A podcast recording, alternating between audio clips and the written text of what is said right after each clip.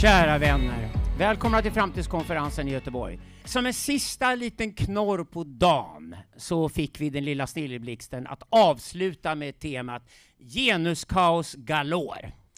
Och för att göra det har jag bjudit in två stycken skägg och två stycken skägglösa så att vi kan diskutera toxiskt skäggbärande i den här debatten senare idag. Viktor Wiblom, Germund Heslow, Lua Ahmed och Oskar Schwarz. Välkomna allihopa.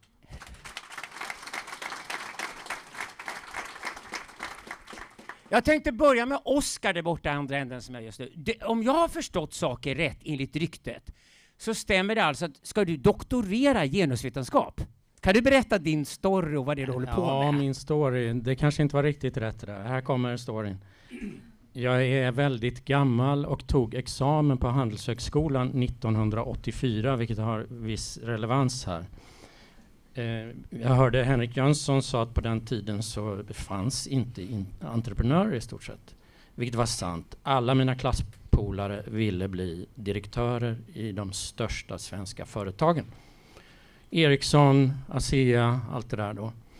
Direktörer i linjen, ekonomer, VD och så vidare. Sen hade det börjat komma lite finanstänk på Handelshögskolan. Och Christer Gardell till exempel var en klasspolare och en del hamnade där. Jag åkte till Amerika, började doktorera i finansiell ekonomi. Tyckte inte det var något roligt. Åkte hem till Sverige och startade ett av Sveriges första internetföretag 94 som heter Bahnhof. Och eh, det hade väldigt frihetliga grunder. Vi såg då det här nya mediet, vem som helst skulle kunna publicera sig utan att bli nedtryckt av redaktörer och så vidare. Total yttrandefrihet. Vi tyckte det var fantastiskt. Och min affärspolare, Jon Karlung, han står ju upp för det här fortfarande. Jag klev av efter tio år. Han är miljardär, det är inte jag. I alla fall, Sen hade jag, jag var med och startade tidningen QX en gång i tiden. Jag har inget med den att göra och läser den inte riktigt därför att jag är inte så kåt på de här kändishistorierna och det är lättviktiga, kanske. Men på gamla dagar, jag har även varit skribent under den här tiden, on och off, på många ställen.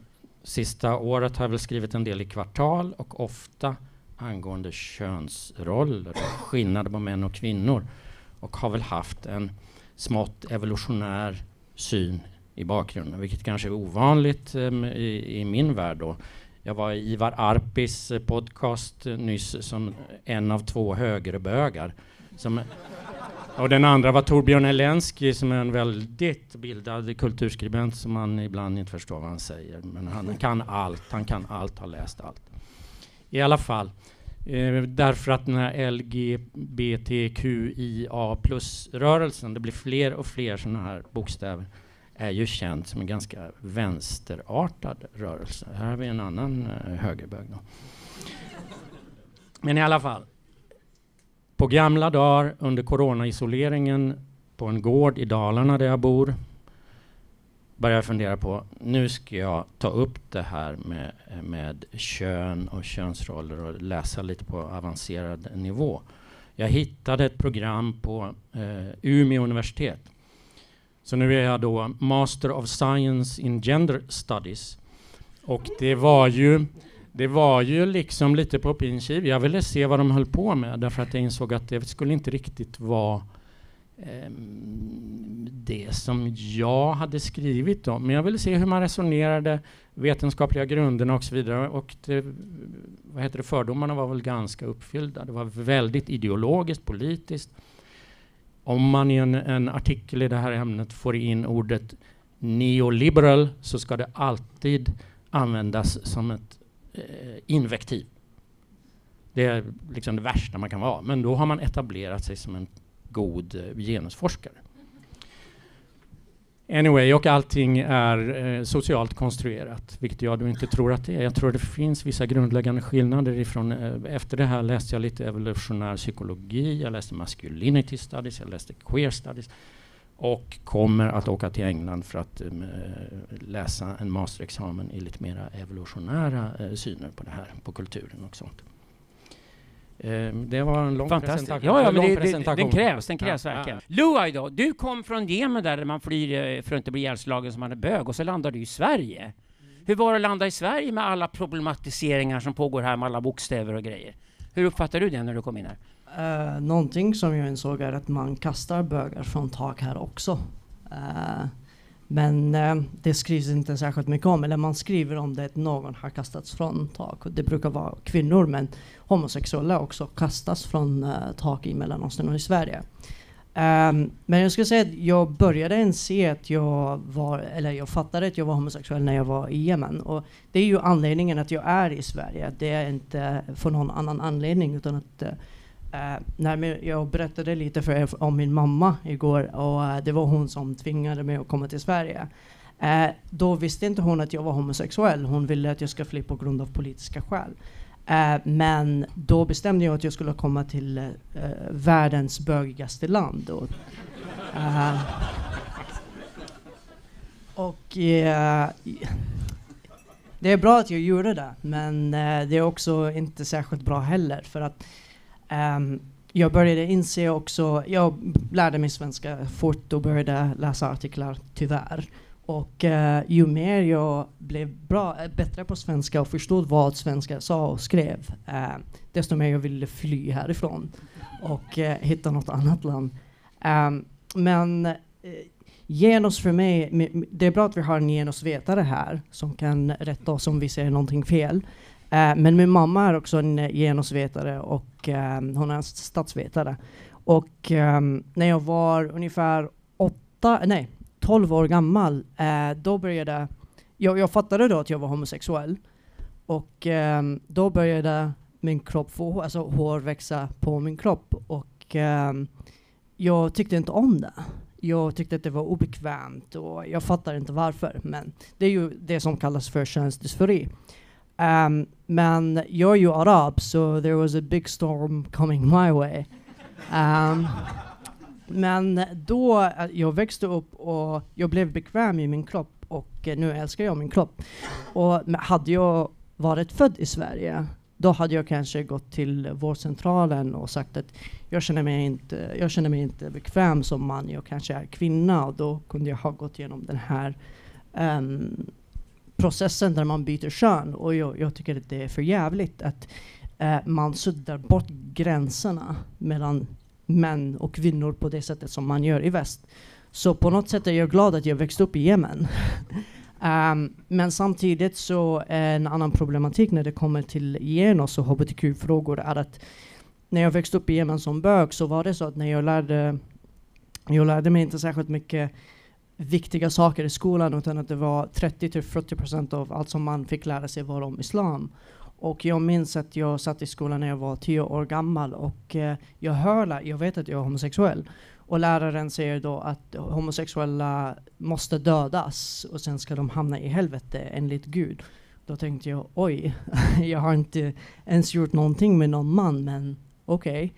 Okay. Um, men jag internaliserade det hatet och det självföraktet. Och det är inte bara Mellanöstern och muslimska länder som lider av det här ignoransen kring eh, hbtq-frågor eller eh, homosexuella. Eh, Sverige också hade samma problem. På 70-talet var man sjuk om man, om man var bög. Men eh, det hände en förändring som var positiv till att börja med. Men sen blev det extrem. Och det är det som är farligt. Sverige är ett extremt land. Och det, det är det som svenskar inte fattar, att de är extrema. Eh, och om man motsätter sig den här extremismen, då blir man kallad för extrem, extremist. Um, så jag vill, jag vill tacka er för att ni står upp för det fria ordet, för det är jätteviktigt att man kan stå upp och eh, kämpa emot det här um, diktatur, skulle jag säga. Uh, för att, att tysta ner motståndare um, Nyligen äh, blev jag inbjuden till SVT för att jag skulle prata om moskéer och hbtq-frågor och då äh, jag skulle se vem de skulle bjuda in för att prata om de här frågorna. Och då var det Mikael Yüksel som var partiledaren för ähm, Nyans. Och då tänkte jag vad är, varför bjuder ni inte in med, med borgerlig samling eller, part, eller Alternativ för Sverige till och med? Uh, för att om ni verkligen vill ha representation så måste ni ha representation. Ni kan inte bara mysa med islamister. Ehm, men ja, jag, jag minns inte om det var en fråga. Men, det Jag kan förklara lite grann där, för jag, jobb, jag jobbar själv då. Jag jobbar själv som psykoanalytiker med transitionsfall. Det finns ju människor som verkligen ska byta kön och kan göra det väldigt förmånligt alltihop och lyckas också. De är ofta ganska diskreta med det. Ni skulle inte ens se dem gick på stan att de faktiskt har bytt kön från det de var födda till. Så jag jobbar med det också. Och när det gäller HBT var det ju så att det är sant. Från 1970-talet fram till 90-talet hade vi en väldigt viktig kamp för HBT-rättigheter i Sverige. Samtidigt som feminismen sköt fram sina positioner. Vi hade en klassisk feminism, det vill säga att kvinnorna ville ha samma rättigheter och möjligheter som män hade, vilket är fullständigt rimligt. Det som händer på 90-talet i Sverige är att vi har byggt upp gigantiska byråkratier runt de här två frågorna. Vi har en massa HBT-aktivister i Sverige, eller vad de nu är för någonting, de la på saker. Ja, Oskar och jag var igång på 90-talet och varnade för det här från två olika ingångar. Och jag kommer ihåg att jag skrev 1997 att om man lägger till den här Q-bokstaven till HBT, Q är ju en kulturell fråga. HBT var en politisk fråga. Flyttar man från politisk till kulturell fråga kommer det här gå åt helvete. Och de texterna skrevs på 90-talet i Sverige. Det är inte så att inte folk var varnade. Då hade vi fått en stor HBT-byråkrati i Sverige. Och mitt råd till den det var att det är fullt av problem för HBT-människor ute i världen. Och till Yemen får ni se liksom. Men det vill ingen i Sverige hålla på med. Det var inga av de aktivisterna som vill åka ut i världen och säga vi har lyckats i Sverige, HBT-rättigheterna har gått igenom. Det kanske ni borde göra i andra länder också. Nej, man ville stanna i Sverige istället och hitta problem som inte fanns. Känns det igen från byråkratier? Det är byråkrati alltid gör. Och det är ju det som hände med feminismen också, för då, då gjorde, kom, feminismen tog den här otroligt bisarra eh, vändningen, inte minst från kvinnojourerna med manshat, ideologi och alltihop som började predikas där. Och det var ju samma sak där, vi hade ju skapat en stor byråkrati som vi gödde med skattepengar och som fick finansierat av skattepengar. Det finns inte någon på kvinnojourerna i Sverige idag som jobbar där frivilligt. Starkare så är uppenbarligen inte lojaliteten mellan svenska kvinnor. De är alla nu gödda av statliga pengar när de jobbar där idag. Och de är fulla av politiska åsikter. Och, och det är det här som jag, jag tänkte fråga dig, Germer som sitter på Lund och är professor och varit i decennier nu.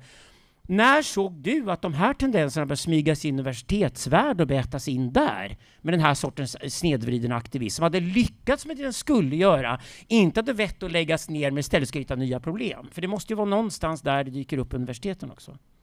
Jag kan inte svara på det, för det, det kom rätt så gradvis och sen har det efterhand ändrat karaktär. Man kan säga att de, många av de tidiga feministerna de var ju väldigt socialkonstruktivistiska. De ville inte höra talas om att det fanns biologiska skillnader mellan könen. Utan de menade att det där var sociala konstruktioner och de slogs då ofta för bara tolerans eh, gentemot kvinnor eh, och även homosexuella, eh, att folk ska få vara lite grann som de vill och så. Men sen kom transaktivismen och den ändrade ju karaktär på det där helt och hållet. För de var ju ultrabiologistiska. De är väldigt, tvärtom, de är väldigt rigida i sin föreställning om hur könsrollerna egentligen är eller ska vara. Utan kvinnor ska vara på ett visst sätt och när man är man då, tror man då att man är född i fel kropp eller någonting, då är det oerhört viktigt att man, till exempel om man är, är född som man och ska bli kvinna, att man då lägger sig till med en väldigt, väldigt rigid och schablonartad kvinnlighet. Då ska man börja måla naglar och, och locka hår och, och hålla på. Eh, medan de tidiga feministerna tyckte ju inte alls att kvinnor behövde hålla på med sånt. Men de här transsexuella eh, männen, kvinnorna, de tyckte att man skulle göra det. Och då blev ju allting helt annorlunda.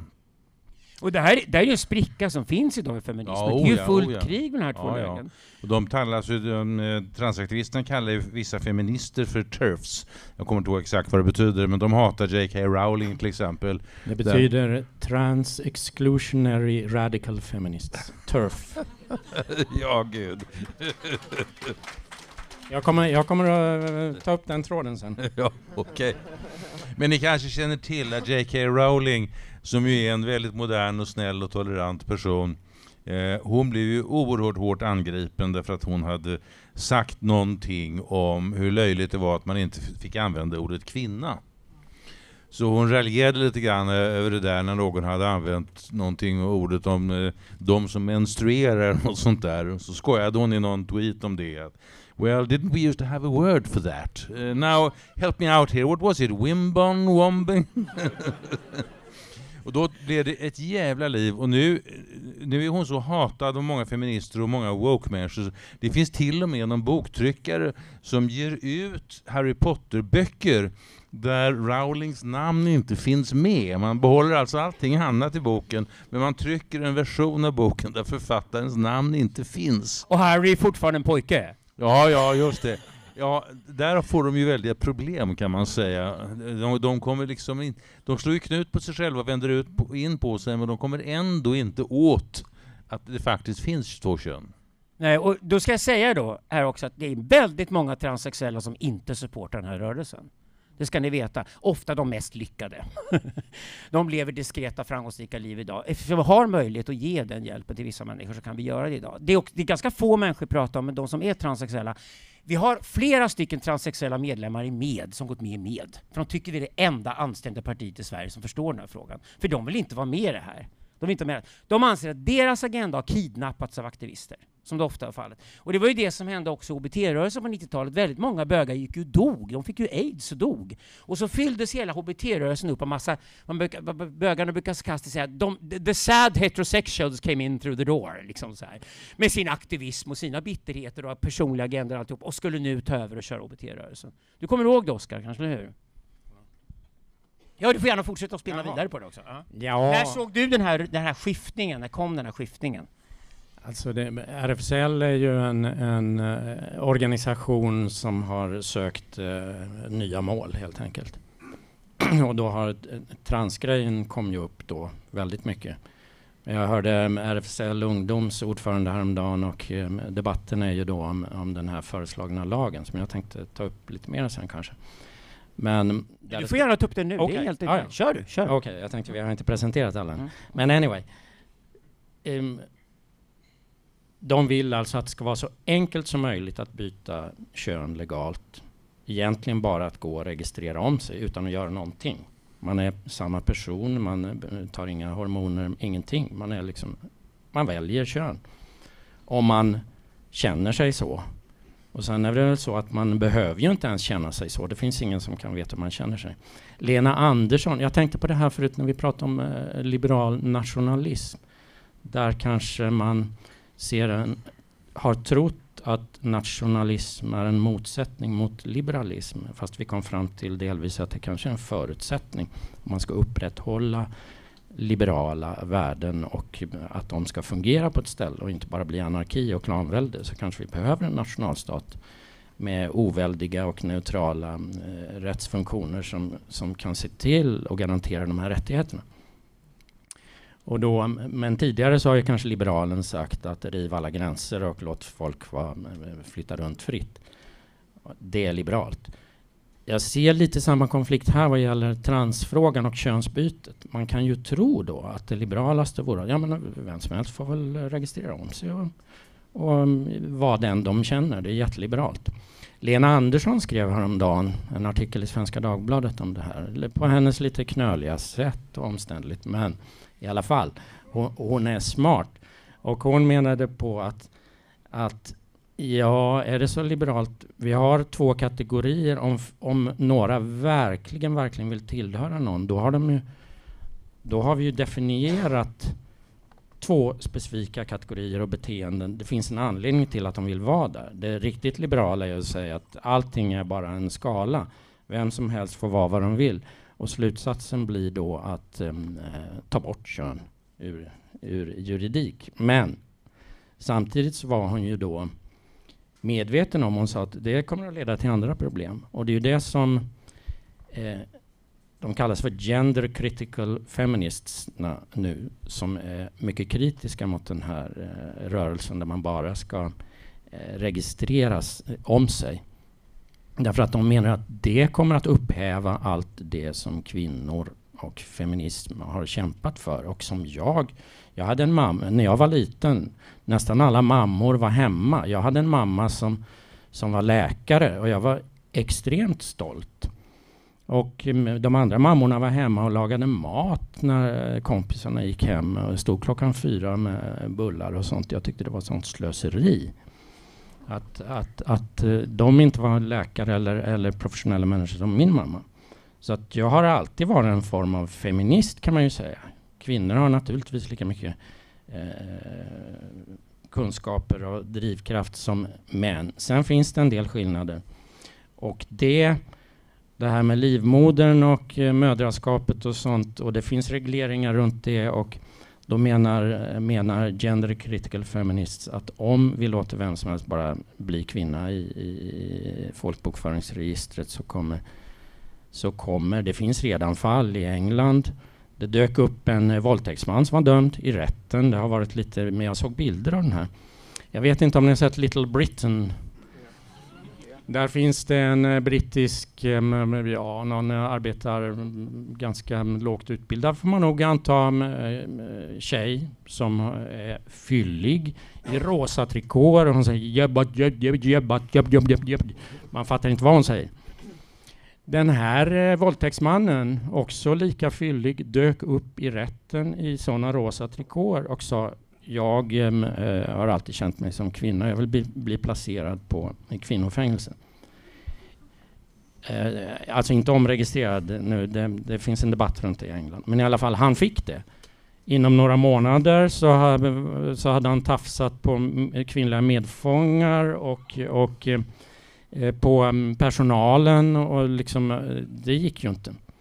Men då, om man drar den här legala principen till sin spets så är det en massa sådana problem som kommer uppstå. Förutom att all statistik kommer att bli uppfuckad. Det vill säga män, eh, våldsbrott, det är män som begår det. Om, om, om nu en massa män registrerar sig som kvinnor så kommer vi kommer inte att kunna ha koll på, på sådana saker och dra slutsatser och så vidare. Men det är alltså det förslaget som kommer nu?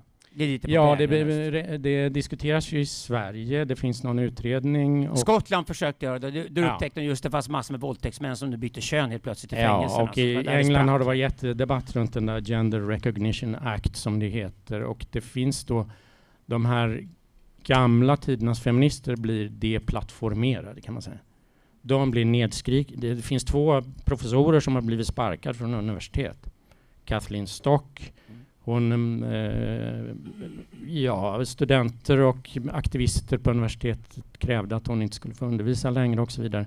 Hon var filosofiprofessor och eh, drog filosofiska och feministiska argument mot den här enkla omregistreringen av kön och liksom diskutera rationellt vad det kan leda till och så vidare. Det finns många sådana fall. Jag skulle kunna ta upp flera. Men, ja, men vi, vi, vi, vi har, vi har det i USA, vi har England, vi har Sverige. De tre länderna det är värst just nu. Ja, det finns, det, det finns en sak i, i, Spanien så tog man uh, en sån här lag nyligen. Det finns en tråd på Flashback som jag kommer att försöka uh, faktakolla lite. Mm. Men de påstår, och jag har hittat uh, engelskspråkig spansk tidning som påstår nu att det har varit rusning. Tusentals spanska män vill nu registrera sig som kvinnor på grund av olika saker, bland annat att kvinnor får utan frågor tre dagars eh, ledighet på grund av mensvärk varje månad. Så att om det är så vet jag inte, men det, det, jag hittade faktiskt någon sån uppgift i en spansk tidning också, så att ja. vi får se. Nej, det är mycket tokigt. Men jag, jag skulle vilja gå in på en annan grej. Jag, jag, jag, jag bara lägga till ja. där att inom EU, när man delar ut forskningsanslag, så får man bonuspoäng om man är kvinna. Därför att det antas att män är mer giriga när det gäller att kräva medförfattarskap och artiklar. Så att man räknar upp kvinnorna antalet artiklar med en faktor 1,5. Eh, och eh, man får också extra bonus för att man är hemma och passar barn. Eh, män kan få det, men de måste då bevisa att de faktiskt har varit hemma och passat barn. Det behöver kvinnor inte göra. Så att man har en oerhörd fördel i forskarvärlden idag av att vara kvinna. Jag tänkte just komma in på det, för det har vi Viktor också med i panelen här. Och varför jag vill ha med dig Viktor, det är ju, du sitter ju och podcastar de unga grabbar. Hela den här cirkusen som pågår just nu bygger ju egentligen på en dold faktor, annars skulle inte den här cirkusen hålla ihop. Alltså de här olika disparata grupperna kan bara förenas om de har en gemensam fiende. Är det jag som är ond här nu eller? Grejen är att det är den vita heterosexuella mannen som landar i den rollen. Du, sit, du sitter ju själv med unga killar och, och podcastar och grejer och har fått en stark following som storebror till massa yngre bröder. Vad, vad, vad säger de här killarna om att vara tos, toxiskt maskulina när de är 22 år gamla idag i Sverige? Vad, vad, vad, vad snackar ni om när ni podcastar om det här? Ja, för det första är vi ju utrotningshotade, så att uh, vi måste ju hålla ihop för att överleva det här. Det finns ju inte så många kvar av oss. Um, nej, men um, grejen är den att det, det vi gör, eh, jag håller på med mansarbete, någonting som vi har gemensamt du och jag Alexander. Eh, det vi gör egentligen är att vi speglar oss i varandra, ett gäng män i en rörelse där vi gör övningar, eh, projekt ihop, och sen speglar vi oss i en jävla massa män. Och där får vi veta skillnaden, liksom, vad är man, vad är liksom just nu i tiden, och vad är bara tillfälligt. Man får, liksom, man får känna in, vad är jag som man, på ett sätt. Och det som kommer fram då är jättemycket jätteintressanta grejer. Det blir ju verkligen, för mig blir det trial and error. Alltså många studerar ju på olika sätt, jag bara går in med huvudet för och känner vad är vad liksom. Um, men en sak som är väldigt vanlig, det är um, många, många av grabbarna, de har tagit på sig jävligt mycket skuld för saker de inte ens är förmögna att göra. Alltså, um, det har slagit hårt. Och um, jag vet inte, det är, ett, det är ett stort arbete nu att hitta tillbaka. Uh, för att um, ja, folk är jävligt förvirrade där ute. Jag sitter ju bara och garvar när jag lyssnar på er. Det det är så här, liksom, ja, mitt, mitt morgonstånd är väldigt tydligt, och då är det liksom det, det, det, är inte så mycket att diskutera. Eh, och så börjar man prata att man liksom inte ens vet vad som är vad. Um, ja.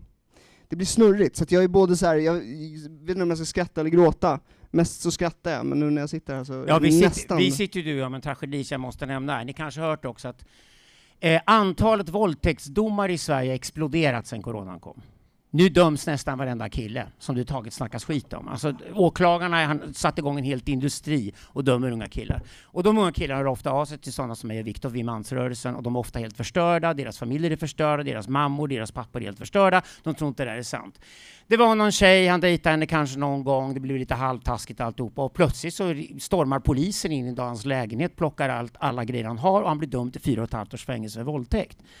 Våldtäktsdomarna sticker iväg nu som tusan. Och det som är intressant med det här, att det sker just nu, är att vi har tränat unga tjejer nu i Sverige att de kan påstå precis vad de vill om en kille.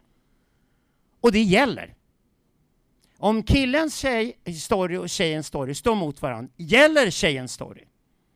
Det är liksom, advokaterna är nästan sarkastiska nu. De, de säger att killarna är chanslösa när de kommer in. Och nästa grej är att svenska tjejer börjar fälla invandrarkillar. Det kommer bli väldigt, väldigt snaskigt och rörigt allt det här småningom. Vi ska linda upp allt det här som hände på 2020-talet. Men det pågår nu storskaligt i Sverige. Vi lär ju alla killar att läsa varandras domstolsprotokoll och som tur var, det första du får göra när du åker in i fängelset i Sverige, i alla fall lära dig juridik. Och det säger till dem, gör det i sådana fall. Och då upptäcker de, visst finns det sexuella förgripare ibland, och det märker de ganska fort. Det är ganska lätt att märka vilka de är dessutom. De har en massa issues med sig in i fängelserna. Och sen har du killarna som hade sloppy sex någon gång med någon tjej och sen hämnas hon och inte tycker att någonting gjorde väl. Eller snarare, hon sa något till en väninna och väninnan var radikalfeministaktivist och väninnan sprang till polisen. Och sen är hela cirkusen igång. Den sista tredjedelen är rent framade killar som inte gjort någonting överhuvudtaget. Så det här pågår just nu. Netflix ska börja göra dokumentär om, om det fruktansvärda klimatet för unga killar i Norden, i de nordiska länderna. Och Sverige är det speciellt fokus på. Det är, det är, vi kan sitta och skratta åt den här soppa, men varför jag ville ta upp den här panelen, allvarliga undertonen är att om alla de olika disparata grupperna med sina särintressen ska hålla på massa uppmärksamhet och resurser och ta plats och kvoteras in och gynnas på någon annans bekostnad, då är det någon som tar stryk till slut. Det är inte jag som 62-årig heterosexuell man som tar stryk. Det är våra unga grabbar som tar stryk idag i Sverige. De får skiten till slut i all den här cirkusen. Och de har ju lärt sig under alla år de gick i skolan att de är toxiskt maskulina bara för att de är födda killar. Och det, det, det roliga med det är att en, en, man skulle aldrig använda ordet toxisk. Så att det liksom, det, det finns inte ens i det beteendet. Um, och jag skulle, skulle säga att så här, om man bara förbiser de som drabbas av männen, alltså vi måste ju se upp nu att vi inte får en jävla massa offer där som tycker synd om sig själva och ska liksom hämnas. Alltså det, det, det byggs ju upp ett, ett annat, det trycks, alltså det blir ett annat undertryck som, som går åt helvete, och nu måste vi börja liksom diskutera Uh, alltså. Ja, ja vi, vi, det vi lär dem att aldrig någonsin hata kvinnor utan Exakt. hata samhället och systemet och förstå vad som pågår. Men mm. vi har alltså ett kraftigt stigande förakt mot kvinnor och tjejer bland 23-åriga killar. Det visar de senaste värdeundersökningarna och det stiger fort. Så det här, vi har alltså ett riktigt könskrig i Sverige idag. Och det har vi bland unga människor. En lite lustig detalj angående toxisk maskulinitet är ju att begreppet eh, skapades av en australisk forskare, professor, som heter Ray Conwin. Och eh, det stod ofta bara R. Conwin på artiklar. Jag, jag började fundera på, vad, jag ville veta liksom vad den här, är det en man eller kvinna? Jag tycker det är rätt intressant för någon som, som verkligen undersöker det här, om det är en man eller kvinna. Det visade sig att det var en man som numera är kvinna. Det var alltså en könsbytare som, som, som um, har ett annat R-namn nu, men det, hon har skrivit mycket om toxisk maskulinitet. Då. Fast det finns en ny eh, begrepp eh, som toxisk femininity nu. Där man försöker att förklara att kvinnor har börjat föra ett krig mot män. Um, och det, alltså det handlar mycket om... Alltså du Bart kallar dig själv för eh, nationalliberal. Va? Jag kallar mig själv faktiskt för eh, nationalfeminist. Eh, vilket triggar feminister ganska mycket. Och, och det är bra. Eh, men jag tycker att för jag tycker att jag gillar feminism. Alltså min mamma är feminist. Hon har kämpat för kvinnor som blir bortgifta. Hon blev bortgift när hon var barn. Hon tvingades att bära slöja. Det finns ett patriarkat och det patriarkatet finns i Mellanöstern och muslimska länder och länder som inte är utvecklade. Uh, jag hör svenskar ganska ofta säga det finns inget patriarkat. Det patriarkatet finns det. Jo, det finns det, men ni vill inte prata om vart det finns. Och det finns i, som sagt i de muslimska länderna, men det har också importerats till eh, Sverige och väst. Men det som irriterar mig så mycket är att innan jag kom till Sverige så kallade jag mig själv för feminazi. Och Uh, för att jag, alltså jag brinner väldigt mycket för kvinnors rättigheter för att jag ser hur mina kusiner, min mamma, alla kvinnor runt omkring mig i Jemen, i Egypten, i den muslimska världen, de räknas inte som människor. Um, när jag gick till affären med min moster så måste hon liksom täcka hela kroppen. Och för mig så var det helt normalt att hon gjorde det. Men egentligen var det inte normalt för att jag kunde se att i resten av världen så kvinnor var faktiskt riktiga människor. Och det, det är så hjärtskärande att komma till Sverige som som sagt bögigaste landet i världen och det mest ateistiska landet i världen och sekulära landet. Uh, men sen jag går i Rinkeby och Rosengård och ser att de här områdena har, för, förlåt att jag börjar prata om invandring, men det är ju Sveriges ödesfrå ödesfråga. Jag tycker att svenskar har ignorerat den här frågan, men den berör exakt allting i samhället. Skattefrågor, feminism, genus, genus etc. Och feminister är inte riktiga feminister i Sverige, just för att de ignorerar den här frågan. Man kan inte säga att eh, man vill bekämpa patriarkatet från vita förtryckande män. Sen tar man emot miljoner människor från de här samhällen som bokstavligen dödar kvinnor. Alltså det går inte.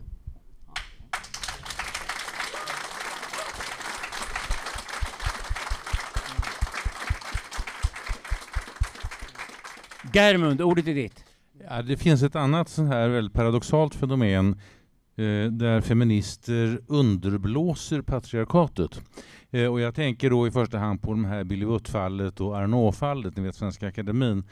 Eh, där inträffar då det att en kvinna påstår att hon har blivit våldtagen av en man eh, och därefter, några veckor senare, så reser hon till Paris för att bo med den här mannen ensam Eh, i akademins lägenhet och tillsammans med sin minderåriga dotter. Och då undrar man ju om man verkligen har blivit våldtagen, varför är man så dum att man åker dit en gång till för att bo över hos honom? Och det var lika, likartat med Billy Butt-fallet. Hon, hon, det var en tjej som påstod blivit, blivit våldtagen och sen rekommenderar hon sin bästa väninna att besöka Billy Butt och sen besöker hon själv honom en gång till. Och jag minns inte hur många av dem som blev våldtagna men de påstår att eh, de blev det.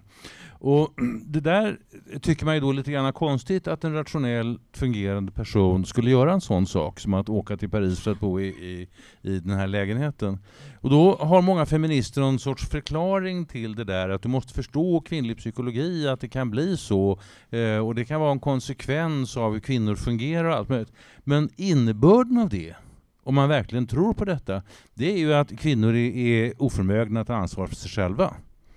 Eh, så att detta, den, den här attityderna underblåser ju en extrem patriarkal inställning. Som om, de, om man verkligen trodde det så skulle man vilja att kvinnor borde beröva sin rösträtt eller någonting sånt där.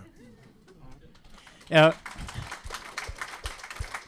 Viktor och jag skrev en text om det här för ett par år sedan som sprids bland unga killar idag som alla läser som heter När prinsessan blev tyrannen. Ni får gärna läsa. Nyheter idag för övrigt. Ni vet Nyheter idag, Bulletin, där alla är medare som skriver och jobbar och sånt där. Gå gärna och kolla. Och det prinsesstyrannen kallas det. Och det, det är alltså en bisarr idé att vi pratar om medborgarskap hela tiden med och vi har fantastiska starka matriarker i det partiet. Det är så jäkla skönt. Men när vi pratar om den här kvinnobilden, och det pratar vi om vuxna kvinnor då som beskrivs här, så ska de plötsligt reduceras till totalt oförmögna att fatta egna beslut eller kunna företräda sitt eget bästa. Och det här går igen från en annan grej som vi med har tagit upp och faktiskt sagt att vi vill avskaffa. Det är sexköpslagen från 1990-talet. Lägg märke till att den kom till i precis den vevan när radikalfeminismen satte igång sin sväng, HBT-rörelsen började lägga på en massa bokstäver och precis den vevan kom sexköpslagen förande. Och vad är det som är typiskt med sexköpslagen? Jo, det är att den kvinna, det är företrädesvis en kvinna, som säljer sexuella tjänster, hon beskrivs som en flicka. Inte kvinna flicka. Det är ett klassiskt sätt att förgöra en kvinnas vuxenhet. Tar ifrån en kvinna hennes status som en vuxen människa ska fatta beslut över sitt eget liv, så reducerar den till en flicka. Kommer ni ihåg Gudrun Schyman och Margareta Winberg alla började prata om flickorna, flickorna, flickorna. Nu är jag själv med i sexarbetarfacket, så jag känner de här flickorna. De är ofta 45 år gamla och de kan mycket väl ta hand om sig själva. De är lyxeskorter helt enkelt. Ja, men, men jag tycker det är skönt att Med tog det beslutet och vågade ta det beslutet, gick emot den här strömmen. För återigen, den här sexköpslagen, den kom ju från vänstern från början. Och den kommer precis i den här vevan. Och den kommer direkt från radikalfeminismen. När den klassiska feminismen fortfarande idag är för tyska feminister, feminister obegripligt att vi driver igenom sexköpslagen i Sverige. I Tyskland har feministerna kämpat för sexarbete. Jag kan eh, säga du, kan gärna, du bor ja, i Berlin, Oskar. Jag bor ju halva tiden i Berlin, eller ja, knappt, och eh, resten i Dalarna. Dalarna? Men i alla fall, jo, Eh, det finns en doktorsavhandling av Susanne Dodier där hon jämförde sexköpslagen i Sverige och utvecklingen i Tyskland under samma tid, på 90-talet i princip.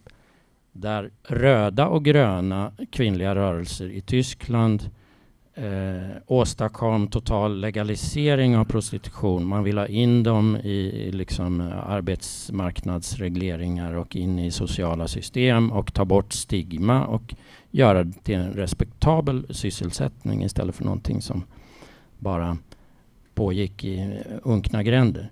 Det blev kanske inte riktigt så. Och i Sverige, röda gröna kvinnor gick åt totalt andra hållet. Vi ska bara kriminalisera torsken, köparen. Det var ju först i världen. Det är kriminaliserat för båda parter eller ingen är kriminaliserad men det är inte så att säga legaliserat på de flesta ställen. Utan det bara, det bara finns, man vet det. Men anyway, jag, jag är inte säker på att det här kommer att finnas kvar i Tyskland. Det finns ju en ökande... Sverige försöker exportera det här. Svenska ambassaden har haft stora seminarier som, där de har bjudit in opinionsbildare och flugit ner justitiekanslern och åklagare och poliser som liksom missionerar i Tyskland. Och deras, eh, ska vi väl säga, äldsta och kändaste feminist som heter Alice Schwarzer, hon har drivit det i flera år, att Tyskland måste ta efter Sverige. Jag tror det kanske händer så småningom därför att det är ju inte så att det kanske är så rosenrött som som de tänkte sig. Det finns liksom jättestora bordeller där mest... Eh... Ja, men, men då, då, ska vi säga att den internationella rörelsen i det fallet, de tar lagstiftning idag från Nya Zeeland. Nya Zeeland mm. införde en modell ja. exakt samma år som 1990 och den har funkat strålande. Och det gör man sexarbetare till egna ja, företag. Ja, Amnesty, Inter Amnesty International um, står ju på sexarbetarnas sida och vill um, legalisera till exempel, vilket ju ledde till nästan att svenska Amnesty International bröt.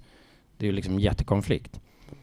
Och eh, i FN så är man ju i princip för sexarbetare och bättre villkor och eh, tycker inte att sexköpslagen är bra. Men det som hände i Sverige, jag, jag, vill bara säga, ja. det som hände i Sverige är så intressant tycker jag, för det som hände 98 klubbar var högst kontroversiell. Det var liksom ingen bred uppslutning i riksdagen. Det var vänsterkvinnor som drev på om sexköpslagen. Mm. Och det som sen händer är så typiskt Sverige. Sen blir det omgående en extremt stor uppslutning bakom det beslutet. Det, det är som det går in i den svenska identiteten, att vi har minsann drivit igenom sexköpslagen i Sverige. Och, och, logiken, var, logiken var precis så vansinnig som den ofta är när genuskaoset kommer förande. Ett, sexköpslagen är till för att stoppa trafficking. Okej, okay. Då svarar man, trafficking har alltid varit förbjudet för det heter slaveri i svensk lagstiftning. Det är förbjudet. Slaveri är förbjudet. Okej. Okay. Tre, om du är mot sexköpslagen är du för trafficking. Ungefär som jag är för slaveri bara för att jag inte är med på den svenska sexköpslagens premisser. Och det här har sedan köpts av hela den svenska högern. Ebba Busch, Ulf Kristersson, alla sitter och hejar på sexköpslagen ungefär som då deras projekt som de har drivit och det är jätteviktigt för dem och de vågar inte ifrågasätta överhuvudtaget. Och det är här som skrämmer med den svenska högern. Vi tänker inte ens den svenska högern i det här fallet, när vi låter vänstern på alla möjliga konstiga grunder komma med det här genuskaoset, farande och driva igenom till lag. Och det är enskilda människor som drabbas stenhårt och får sina liv förstörda av de här galna lagarna. Jag tycker det är jätteskönt att med tog beslut att sexköpslagen ska bort. Och då har vi lyssnat på det bästa vi ska lyssna på, sexarbetarna själva.